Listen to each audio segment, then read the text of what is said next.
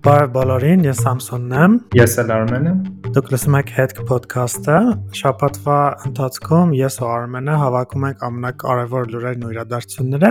եւ ամփոփ ձեզ ասում ենք,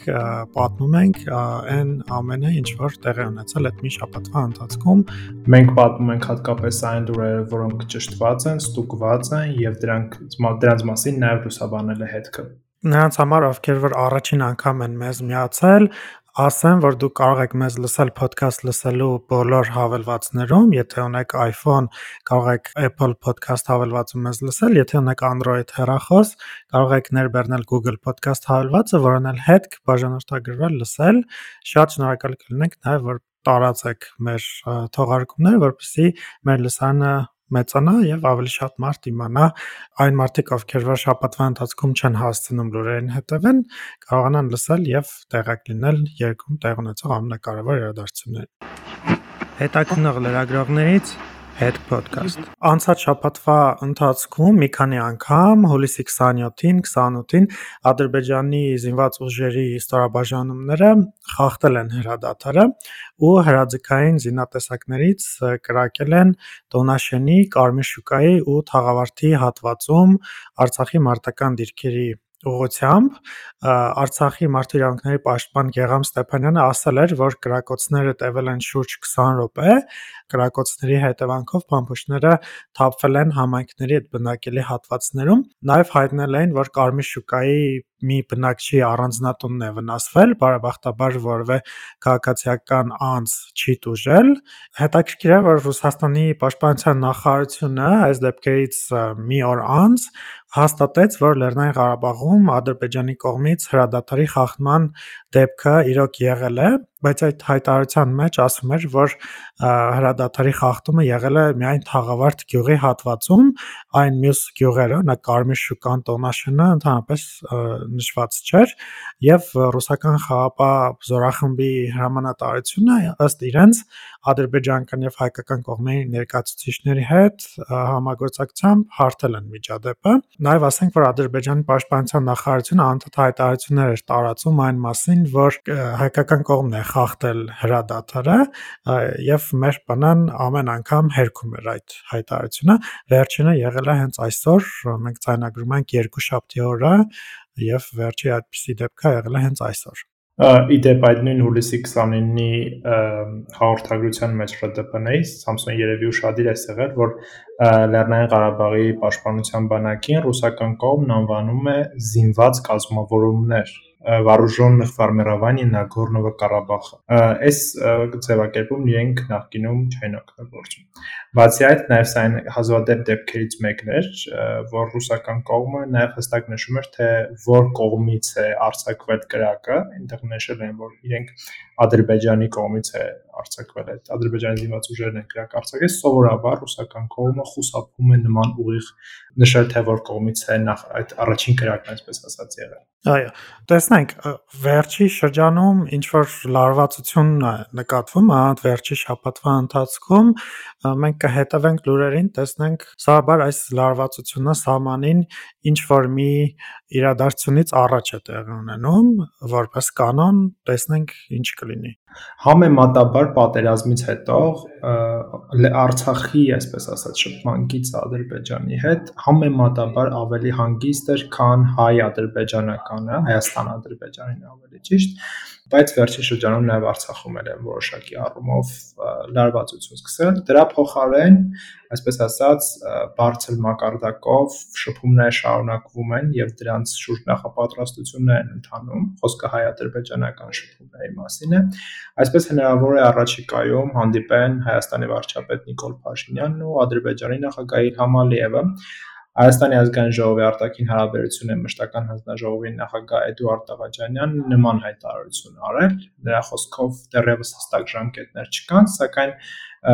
հավելել է, որ վերջին շրջանում Հայաստան-Ադրբեջան հանդիպումներն ու տարբեր հարցերի շուրջ բանակցությունները հաճախ են տեղի ունենում այլ այսպես ասած մեկնաբանություն Աղաջանյանի հայտարարության վերաբերյալ չկա գործադիրի կամ արտաքին գործերի նախարարության կողմից ադրբեջանական կողմը եւս որևէ հայտարարություն չի արել միայն նրանք վերատարածել են այսպես ասած Աղաջանյանի հայտարարությունը հիշեցնենք որ վերջին անգամ Ալիև-Փաշինյան հանդիպումը տեղի ունեցավ Բրյուսելում այս տարվա մայիսի 22-ին Եվրոպական խորհրդի նախագահ Շարլ Միշելի միջնորդությամբ այդ հանդիպումից հետո կողմերը հայտարարել են որ սկսում են երկու երկրների սահմանազատման հանձնաժողովների աշխատանքի եւ իրոք այդ հանդիպումից երկու օր անց հայ-ադրբեջանական սահմանի Նախիջևանի հատվածում հայկական եւ ադրբեջանական հանձնաժողովներն առաջին հանդիպումներն են Երևանի ու Անկարայի հարաբերությունների կարգավորման գործընթացում Թուրքիայի հատուկ ներկայացուցիչ Սերդար Քլիչը ու նրա թիմը այցելել են Կարս ու եղել են հայ-թուրքական սահմանի Դողոք-Հափը կոչվող անցակետում։ Հանդիպման եւ այցից թուրքական ԶԼՄ-ները որոշ լուսանկարներ էին տարածել եւ գրել էին սրա մասին, բայց շատ մանրամասներ չեն հայտնում, միայն գիտենք, որ հանդիպումներն անցել են փակ ռեժիմով այս այցից մի քանի օր առաջ թուրքական լրատվամիջոցները նաև հայտնել էին, որ իսրայելական մի ընկերություն Կարսի Աքիակա շրջանի Իբիշ գյուղի մոտ, որը հենց հայ-թուրքական սահմանին է գտնվում, ականազերծման աշխատանքներ է իրականացնում։ Այս ականազերծման ընթացքում պայթուն էր տեղի ունեցել եւ ականազերծում իրականացնող ընկերության աշխատակիցներից մեկն է վիրավորվել։ Ըստ ԶԼՄ-ների նրան տեղափոխել են հիվանդանոց եւ վիճակը գնահատվում է բավարար։ Այս ականազերծման աշխատանքները սկսվել են մոտավորապես 2 շաբաթ առաջ եւ հիմա ակտիվ հունով ընթանում են եւ պատրաստվում են երկու կողմերը սահմանների բացմանը, ինչպես գիտենք, պայմանավորվել էին, որ հայ-թուրքական սահմանը մոտակա ժամանակներում բացվելու է երրորդ երկրների քաղաքացիների համար։ Հա, եւ ինչպես մենք ավելի վաղ նաեւ քննարկել ենք, երրորդ երկիր այստեղ ավելի շատ մենք ընկալում ենք Ադրբեջանի քաղաքացիներին, որոնք կարող են Հայաստանի տարածքով արդեն անցնել դեպի Թուրքիայի տարածք։ Մեր օկնդեյներին ուղակի տեղեկացման կարգով ասենք, որ Դողուքափն ինքը ընկած է Գյումրիի ուղությամբ եւ Դողուքափում է գտնվում այն լքված կայարանը, երկաթուղային կայարանը, որը նախկինում Գյումրին կապել է Կարսի հետ ինքը սահման, այսպես ասած, հայ-թուրքական սահմանի Գյումրիի ուղղությունն։ Սա ինչ որ չափով արդյոք կարող է նշանակել, թե նախատեսվում է Հայաստանի ու Թուրքիայի միջև երկաթուղային կապի վերականգնում, դժվար է ասել, ամեն դեպքում բարձ է դառնում, որ թուրքական կողմը ակտիվորեն ականազերծում է սահմանը, հետեւաբար ինչ որ process-ներ են գնում ականազերծման, այսպես ասած, թեմային զուգահեռ շարունակվում են նաև հայ-թուրքական հարաբերությունների կարգավորման գործընթացին ուղեկցող, այսպես ասած, հայտարարությունները, թե Թուրքիայի նախագահը եւ թե ընդհանրապես Թուրք բարձրաստիճան պաշտոնյաներն անընդհատ իրենց հայտարարություններում նշում են, որ իրենք հայ-թուրքական հարաբերությունների կարգավորման գործընթացը համաձայնեցնում են Ադրբեջանի հետ։ Չավուշօղլուն էր նման հայտարարություն արել ինչը բացահայտ բնականաբար կարող է նշանակել, որ կլուծվի, այսպես ասած, Արցախյան հիմնահարցը հոգուտ Ադրբեջանի, հետևաբար կբացվի նաև հայ-թուրքական սահմանն ու կկարգավորվեն հարաբերությունները։ Անկարայի ուղերձը թերևս սա է։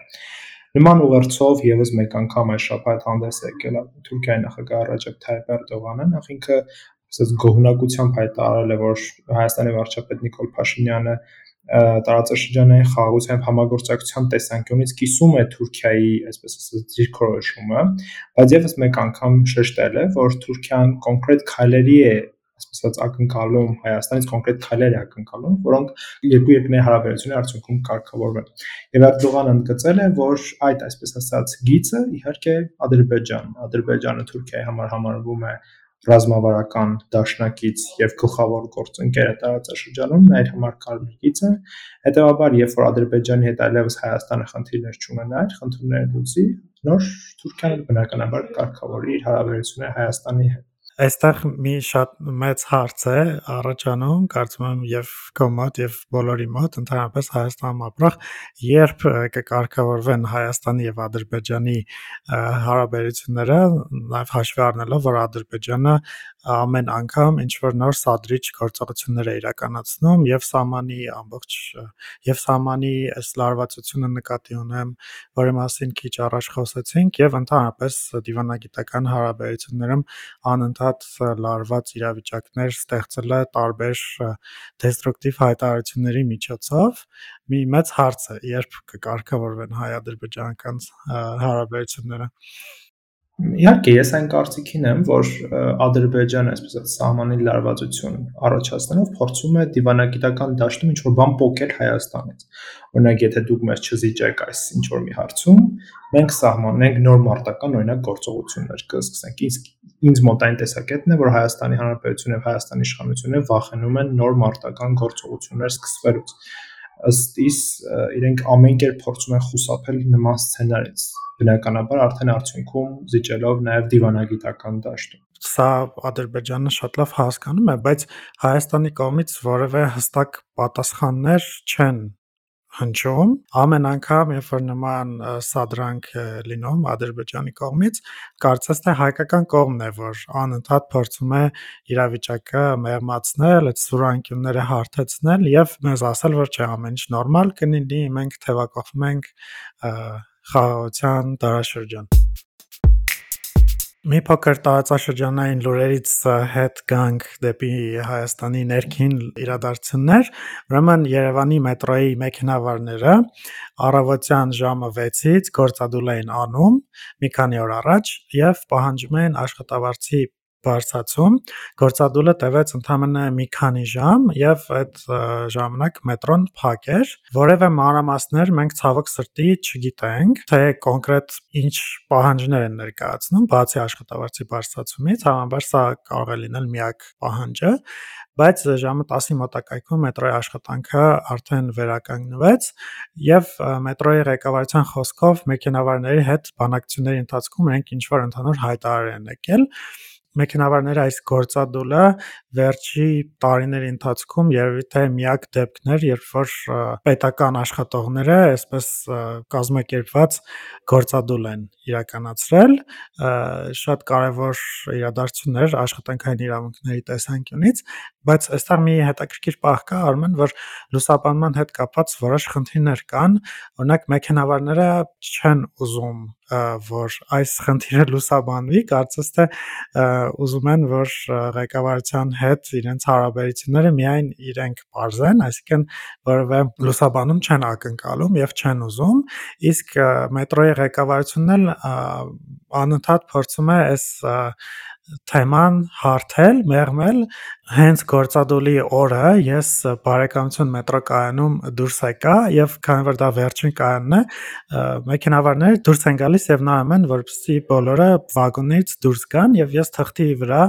իմ համարն էի գրել եւ մեր մյուս լրագրողի համարն էի գրել ու փոքրիկ այսպես երկու տողով գրել ենք, որ եթե ուզում եք ձեր խնդիրը,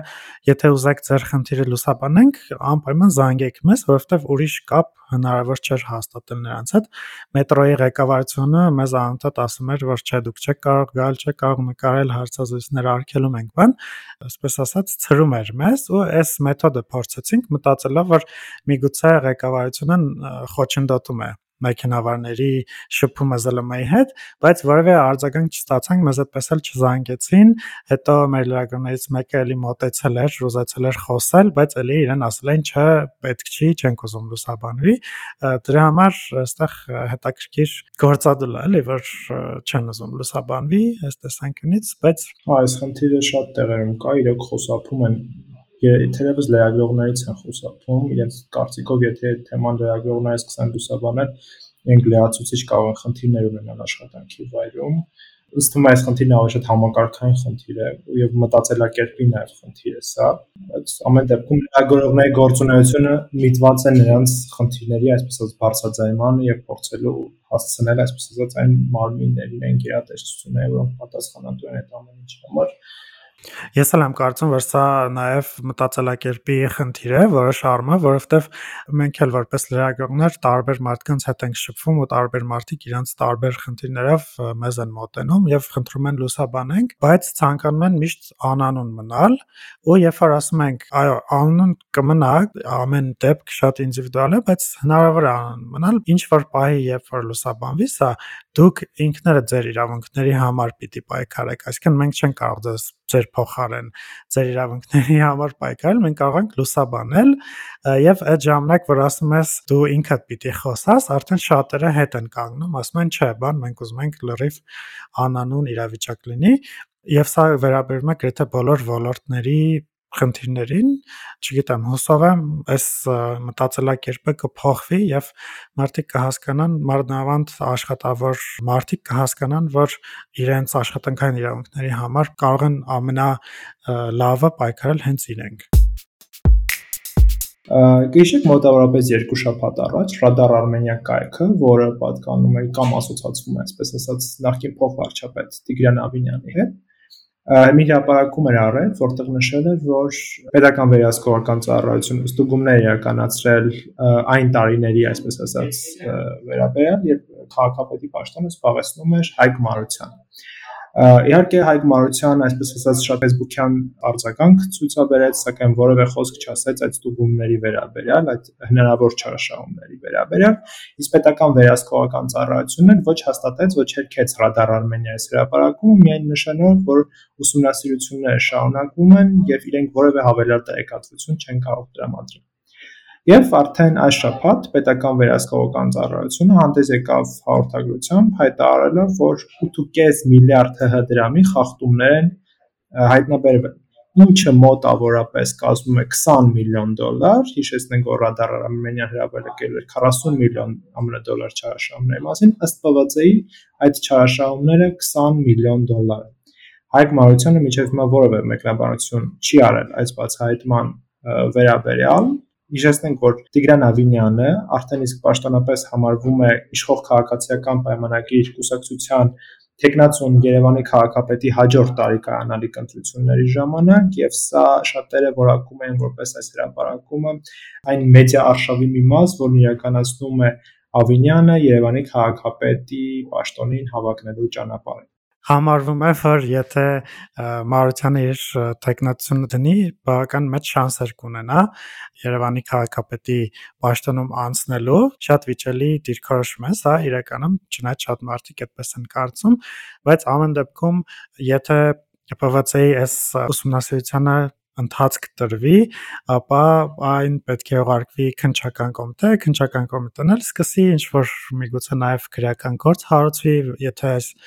չարաշահումները իսկապես այսքան շատ են ու չգիտենք, տեսնենք, շատ հետաքրքիր գործընթացներ են սպասում, մենք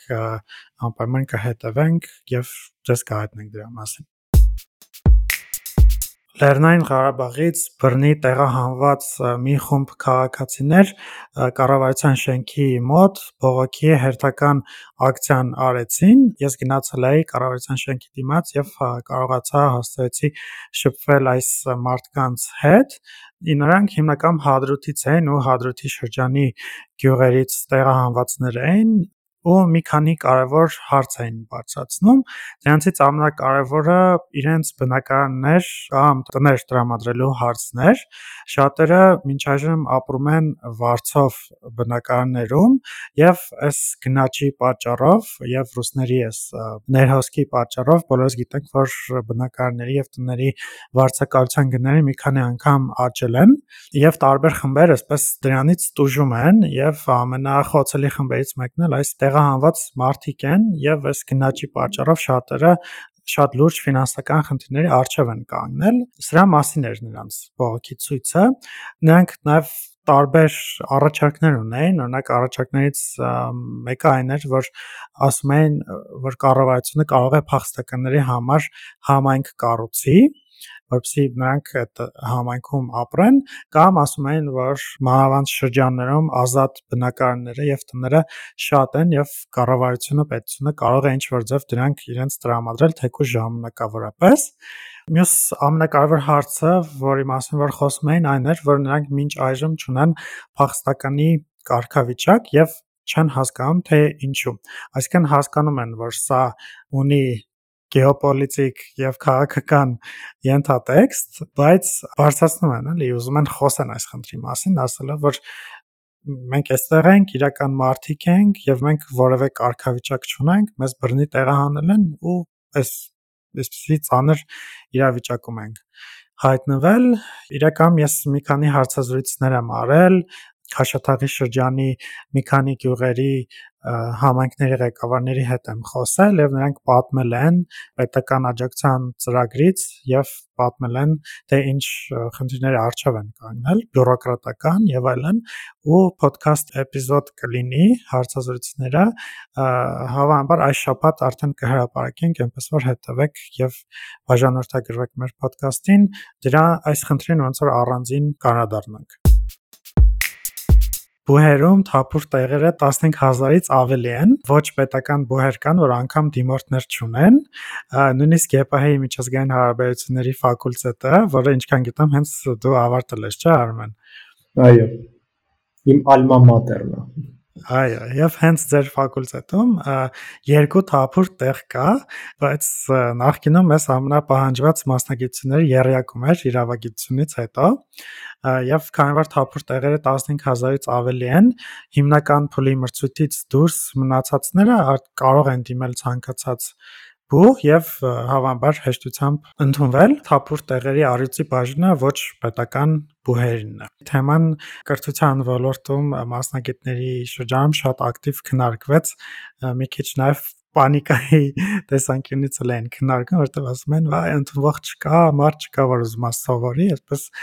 խառը տրամադրություններ էին այս թեմայի շուրջ։ Ըստ իս սա շատ լուրջ ահազանգ է մեր երկրի հետագայի ապագայի, այսպես ասած, վերաբերյալ ու շատ լուրջ խնդիր է սա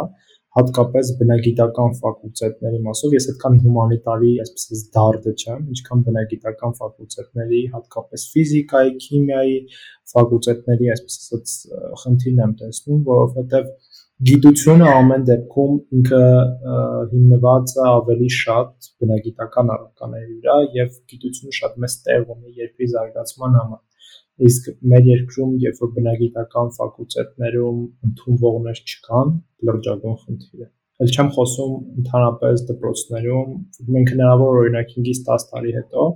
դպրոցներ լինեն, այդ թվում նաև քաղաքային բնակավայրերում, որոնք ունենան ֆիզիկայի, քիմիայի, կենսաբանության, կամ այլ բնագիտական առարկաների ուսուցիչներ։ Գիտաշխատողների մասին չեմ խոսում։ Բարձր տեխնոլոգիական արդյունաբերության նախարար Ռոբերտ Խաչատրյանն ասել է, որ առաջիկա 2 տարիների ընթացքում Հայաստանը տիեզերք արձակելու իր երկրորդ արբանյակը, որը կարողանալու է նկարներ անել։ Խոսքը այստեղ վերաբերում է առավել բարձր որակով նկարներ անելու։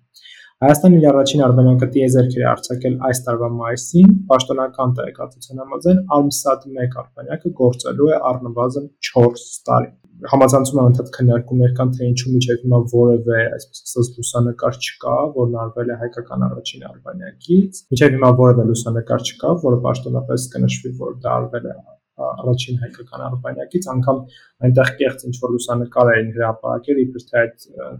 լուսանկարն արվել էր հայկական արբանյակից, բայց մենք միջև հիմա դեռևս որևէ լուսանկար չունենք։ Եվ հուսանք այս երկրորդ արբանյակը ել ավելի, այսպես ասած, նպատակային կլինի եւ իրոք կարող է օգնել պետությանը տարբեր տիպի այդ թվում է ռազմական խնդիրներ լուծելու ժամանակ տարածքային կառավարման եւ ենթակառուցվածքների նախարարությունից ասել են, որ տեղ Գորնիձոր ճանապարհի վերակառուցման աշխատանքները կմեկնարկեն այս տարվա օգոստոսին, այսինքն այս ամիս, այստեղ խոսքը Լաչինի Միչանսկի այլընտրանքային ճանապարհի մասին է։ Մեր ընկերները կհիշեն, որ մենք նախորդ էպիզոդներից մեկում քննարկել ենք այս հարցը 2020 թվականի նոյեմբերի 9-ի հայտարարությամբ 6-րդ կետում ասվում էր, որ կողմերի համաձայնությամբ պետք է որոշվեր Հայաստան ու Լեռնային Ղարաբաղը կապող Լաչինի միջանցքով այդ երթևեկության նոր երթուղու կառուցման պլանը, չնայած նրան, որ հայտարարել են, որ աշխատանքներ կմեկնարկեն, դեռևս շատ հարցեր կան, այս հարցերը նախկինում էլ են քննարկել, դրանք վերաբերվում են ենթակառուցվածքներին, օրինակ Լաչինի միջով Հայաստանը Արցախին կապող կարևոր ենթակառուցվածքներն ասնում, օրինակ նույն ինտերնետը, գազատարը եւ այլն եւ այլն։ Այս հարցերին մինչև հիմա կառավարությունը չի անդրադառնում, անդադ խոսապում են հստակ բաներ նշելուց, միայն ասում են, որ ճանապարհի կառուցումը կմեկնարկի, բայց դրանց ավել մեզ որևէ տեղեկություն չեն ասում։ Բնապահպանության եւ ընդերքի տեսչական մարմինը պարզել է, որ Աղթալա լեռնահարստացման կոմբինատ ՓԲ-ի նահատակ պոչամբարի խողովակաշարում տեղի ունեցել վթար, որի հետևանքով ընկերության պոչանքներ լցվել են դեպետ գետը։ Այս դեպքի արդիվ քրեական վարույթ է հարուցվել, մենք հետևելու ենք այս գործընթացին եւ տեսնենք արդյոք ինչ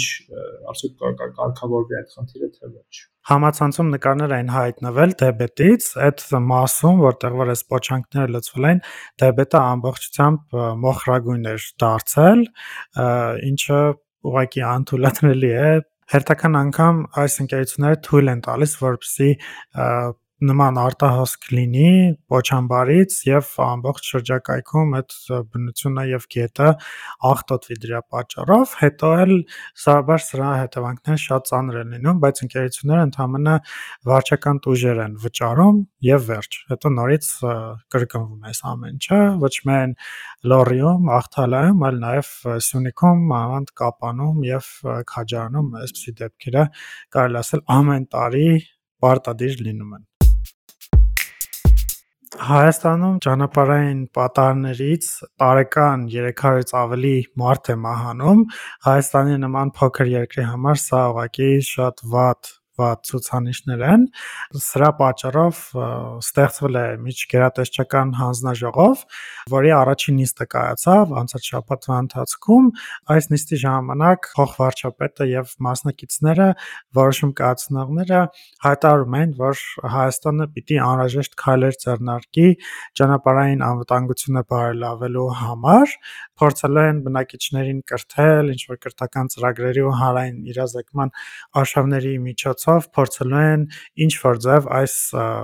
ցուցանիշը կրճատել, եթե դուք վարորդ եք ինպես Հայաստանում քշում եք եւ եթե ամեն օր առնչվում եք այս ագրեսիվ վարելու ոճին, որ կարծես թե բոլորը շատ ագրեսիվ չղային նստում են ղեկի առջև եւ քշում են, դուք հաստատ այս խնդրին բախված կլինեք եւ չգիտեմ, իրոք պետքա ինչ-որ մի բան անել, կարծում եմ հիմնականում կրթության միջոցով հնարավոր կլինի ինչ-որ բան փոխել, մարդկանց վերջ-վերջը բացատրել, որ 3 րոպե շուտ հասնելը ոչ մի բան չի փոխի ձեր կյանքում, բայց ավելի զգուշ եւ ավելի սթափ վարելը շատ ավելի կարեւոր է եւ ձեր եւ ձեր ընտանիքի անդամների համար, ընդհանրապես մեր հասարակության համար, քան մի քիչ ավելի շուտ տեղ հասնելը։ Եվ վերջ-վերջո խնդրում եմ զիջեք իրար, զիջեք։ Դրանից աշխարհը շուրջ չի գա։ Այսքանն էին այն թեմաները, որոնք այս շաբաթ առանձնացրել էինք ձեզ համար եւ ներկայացրել էինք ձեր ուշադրությանը։ Շնորհակալություն, որ լսեցիք մեր հերթական էպիզոդը։ Մենք ունենք Facebook-յան խումբ, որը կարող եք գտնել հայատար կամ լատինատար փնտրելով Headk podcast եւ կարող եք գտնել մեզ podcast լսելու հավելվածներում, օրինակ Apple podcast հավելվածում կամ Google podcast հավելվածում։ Լսեք, տարածեք, շատ շնորհակալ կլինենք, որ դուք ձեր աջակցությունը մեզ հայտնեք մեր էպիզոդները տարածելու միջոցով։ Բացի այդ գրեք նաև ձեր մեկնաբանությունները, մենք ուրախ կլինենք դրանք միշտ լսել։ Շնորհակալություն, մինչ նոր թողարկում։ Հաջողություն։